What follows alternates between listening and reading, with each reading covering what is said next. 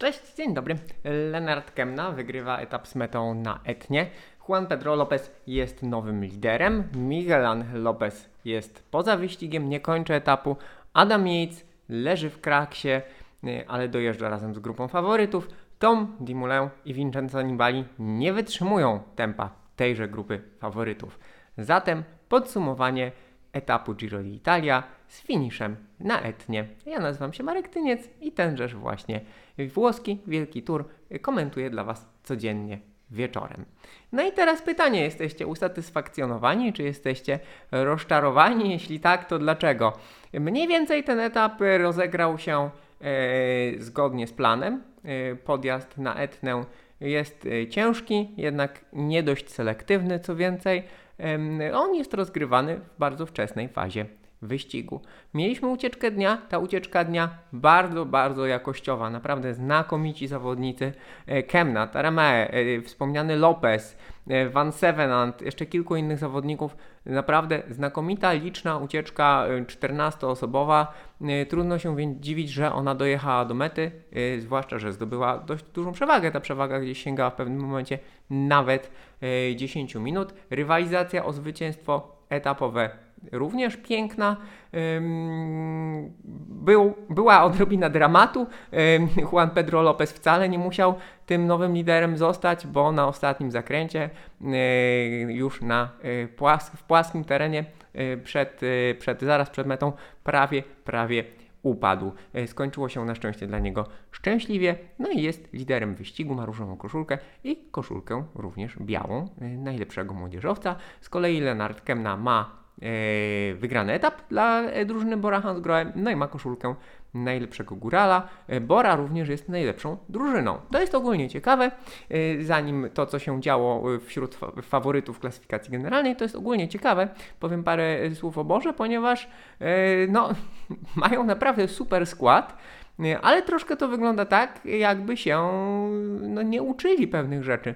No bo już jeszcze gdy Peter Sagan u nich jeździł, mm, to ilość interesów y, po prostu różnych w tej grupie była tak duża, że czasami tracili skuteczność. No i tutaj Kemna mm, pojechał y, po etap, pięknie, ma etap. Poniekąd to rozlicza wyścig dla Bory, ale trzeba pamiętać, że oni mają dwóch, a mieli trzech y, faworytów na klasyfikację generalną, Keldermana, Hindleya i Buchmana, y, więc pytanie, czy te wszystkie interesy da się pogodzić. Póki co jadą bardzo skutecznie, Kemna wygrywa etap, Hindley i Kelderman dojeżdżają w grupie faworytów, nic nie stracili, zatem dla Bory na plus, ale wygląda na to, że, pe że pewien taki entuzjazm, mówiąc eufemistycznie, tam u nich nadal panuje do odnoszenia indywidualnych zwycięstw. Zobaczymy, co dalej. Jeżeli zaś chodzi o klasyfikację generalną, no to mamy, e, mamy e, pierwszego zawodnika, który nie podawał tru, trudom wyścigu, e, Miguel Angel Lopez z Astany, musiał się wycofać. Pamiętamy, że w zeszłym roku on, on było, była ta cała drama na Vuelcie, kiedy on jechał znakomicie, ale ze względu na konflikty interesów w Movistarze E, wycofał się pod koniec, pod koniec hiszpańskiej Vuelty. E, tak naprawdę to Giro było dla niego bardzo, bardzo ważne e, pod, w kontekście dalszego rozwoju kariery, w kontekście, mm, w kontekście kolejnych kontraktów. No i on tego Giro nie kończy. Na samym początku etapu była niewielka kraksa, w niej leżał on i leżał Simon Yates. Natomiast realnie Lopez tam nie ucierpiał, on tak troszkę się tylko gdzieś przechylił na bok. E, oficjalna wersja jest taka, że wycofał się, e, wycofał się z powodu kontuzji biodra, e, z tym, że tej kontuzji biodra nie nabawił się na tym Giro i nie nabawił się w tej kraksie. On podobno z tą kontuzją przyjechał na włoski wyścig, liczył na to, że wszystko będzie dobrze, nie było, musiał się wycofać. Natomiast Yates z kolei mm, przeżywał nerwowe chwile, bo on faktycznie tutaj stłukł kolano, kiedy zjechał do, po pomoc, żeby mu to kolano gdzieś tam e, troszkę znieczulono jakimś zamrażaczem czy jakimś środkiem przeciwbólowym. E, z przodu peletonu do roboty wzięły się drużyny Inosu, drużyna Bahrain Victorious. No i Yates miał troszkę kłopotów.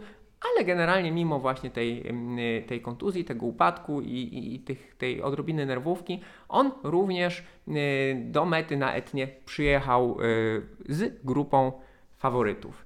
Tempa natomiast, tak jak powiedziałem we wstępie, nie wytrzymał Dimulę, nie wytrzymał Nibali, nie wytrzymał Tobiasz Foss. Yy, drużyna Inosu zrobiła co miała zrobić, nadali bardzo mocne, bardzo równe tempo. To nie było tempo szaleńcze i, i takie, które rozerwałoby tę grupę w strzępy. Natomiast ostatecznie dojechało tylko kilkunastu zawodników. Yy, no i yy, w tej pierwszej grupie, no i finiszować próbował Carapaz. Trudno powiedzieć, czy czuje się tak dobrze, czy też jest tak niepewny, bo no, nie zaliczył nawet sekundy przerwy między sobą a rywalami y, z tej czołówki. Mm, natomiast no, niewątpliwie spalił zapałkę, jak to się mówi, czyli no, zużył troszkę niepotrzebnie y, zużył troszkę niepotrzebnie energię na ten finish. Tym bardziej, że gdzieś y, w połowie podjazdu, gdy jego koledzy dyktowali tempo, Karapas wcale nie jechał im na kole, tylko gdzieś tam plątał się w środku tej kilkunastoosobowej Y, kilkunastoosobowej grupki. Mm, jeżeli chodzi zaś o tempo, i teraz chciałbym pewne rzeczy tutaj y, podsumować i szybko wyjaśnić i dać obraz między innymi, dlaczego ten etap na etnie regularnie, w miarę regularnie mm, wygląda tak, jak wygląda, zwłaszcza jeżeli nie ma jakichś dramatycznych warunków, nie pada, nie pada deszcz, tak jak kilka lat temu to jest, po pierwsze, to jest w ogóle fascynujące, że na górze, która jest wciąż czynnym wulkanem, jest tyle dróg. Jest tyle asfaltowych dróg, e, ponieważ w zasadzie za każdym razem podjazd na Etnę prowadzi inną, innym wariantem. W związku z tym one są między sobą nieporównywalne. Trudno, to nie jest tak, że tak jak na Alpe d'Huez, na Mont Ventoux, na Stelvio, na Stelvio jest kilka dróg, ale można jechać z dwóch stron na przykład, ale generalnie jeżeli jedzie się z jednej strony, to jedzie się jedną drogą. Natomiast tutaj tych wariantów mniejszych, większych dróg wyasfaltowanych jest sporo. No ale od czego mamy e, WAM, czyli średnią prędkość podjeżdżania, która daje nam jakieś tam e, porównanie e, zarówno pod, podjazdów we wcześniejszych latach, jak i innych podjazdów na innych wielkich turach. Mm, no i tutaj istotne jest to, że w połowie była, był niewielki, krótki zjazd. Istotne też jest to, że tutaj cała górna część podjazdu jest w otwartym terenie, e, co przy nie bardzo dużym nastromieniu przy stosunkowo y, wysokim tempie nadawanym przez jakąś silną drużynę, w tym momencie, w tym wypadku Ineos Grenadiers, y, no trudno jest, y, trudno jest odjechać. W związku z tym mieliśmy, mieliśmy selekcję poprzez nadawanie wysokiego tempa i kolejnych zawodników, którzy tego Y, nie wytrzymują. Y, swoją drogą ta środkowa część podjazdu naprawdę y, bardzo ciekawa, bardzo ładnie to wyglądało w tym zalesionym terenie. Oczywiście już po wyjechaniu z, lasu jest ten taki trochę kosmiczny, wulkaniczny krajobraz, natomiast ta środkowa część była naprawdę selektywna. Tam były, to, ten podjazd był nieregularny, zmieniała się stromizna, były zakręty, była zmienna nawierzchnia. To wcale nie było łatwe i trudno się dziwić, że Nibali czy Dimulę tego nie wytrzymali. No tutaj mamy potwierdzenie yy, dyspozycji Dimulena. Jeżeli taki specjalista jazdy na czas nie wygrywa jazdy na czas, jedzie bardzo dobrze, ale nie, nie zdobywa przewagi nad góralami, to raczej sugeruje, że on nie jest w, szczytowej formie. No i wygląda na to, że Dimulę w tej szczytowej formie tutaj tutaj nie jest. No i mamy dane, y, całkiem sporo zawodników, całkiem sporo zawodników udostępniło y, swoje, swoje dane dotyczące mocy. Jest też wzór, z którego można estymować waty na kilogram. Mamy dane na strawie, mamy dane ze stopera. Y, wygląda na to, że cały podjazd 52 minuty, średnia stromizna 6,3%, średnia prędkość podjeżdżania 1490 metrów na godzinę, co się przekłada na 5,6-5,7 W na kilogram. Na tak długim wysiłku to jest bardzo, bardzo solidne tempo. Znaczy to odwzorowuje to, co widzieliśmy. Natomiast ostatnie 20 minut już po tym krótkim zjeździe, troszkę bardziej strome, 6,5%. E, no i e, już mamy 5,8, 5,86 W na kilogram dla tej kilkunastoosobowej grupy. To już jest dużo, biorąc pod uwagę końcówkę etapu, biorąc pod uwagę wcześniejszą część podjazdu, no i fakt, że te 20 minut to jednak wciąż jest dość długi wysiłek. E, Zatem można powiedzieć, że poziom sportowy peletonu Giro d'Italia jest bardzo wysoki, że czołówka jest mocna i wyrównana. Natomiast, tak jak powiedziałem wcześniej, trudno się spodziewać, że w takich warunkach, e, w, przy tym bardzo wysokim, bardzo wyrównanym e, poziomie sportowym, no nikt nie rzuca się do jakiegoś szaleńczego etapu, tym, e, ataku. Tym bardziej, że mieliśmy tutaj no, bardzo sprzyjającą sytuację dla wszystkich. Drużyna Treka wzięła, drużyna Treka wzięła koszulkę lidera, drużyna Bory od Vanderpoola, który no, nie wytrzymał tego tempa, co oczywiste, bo on tak długo, tak wysokich watów na tak długim podjeździe trzymać nie będzie.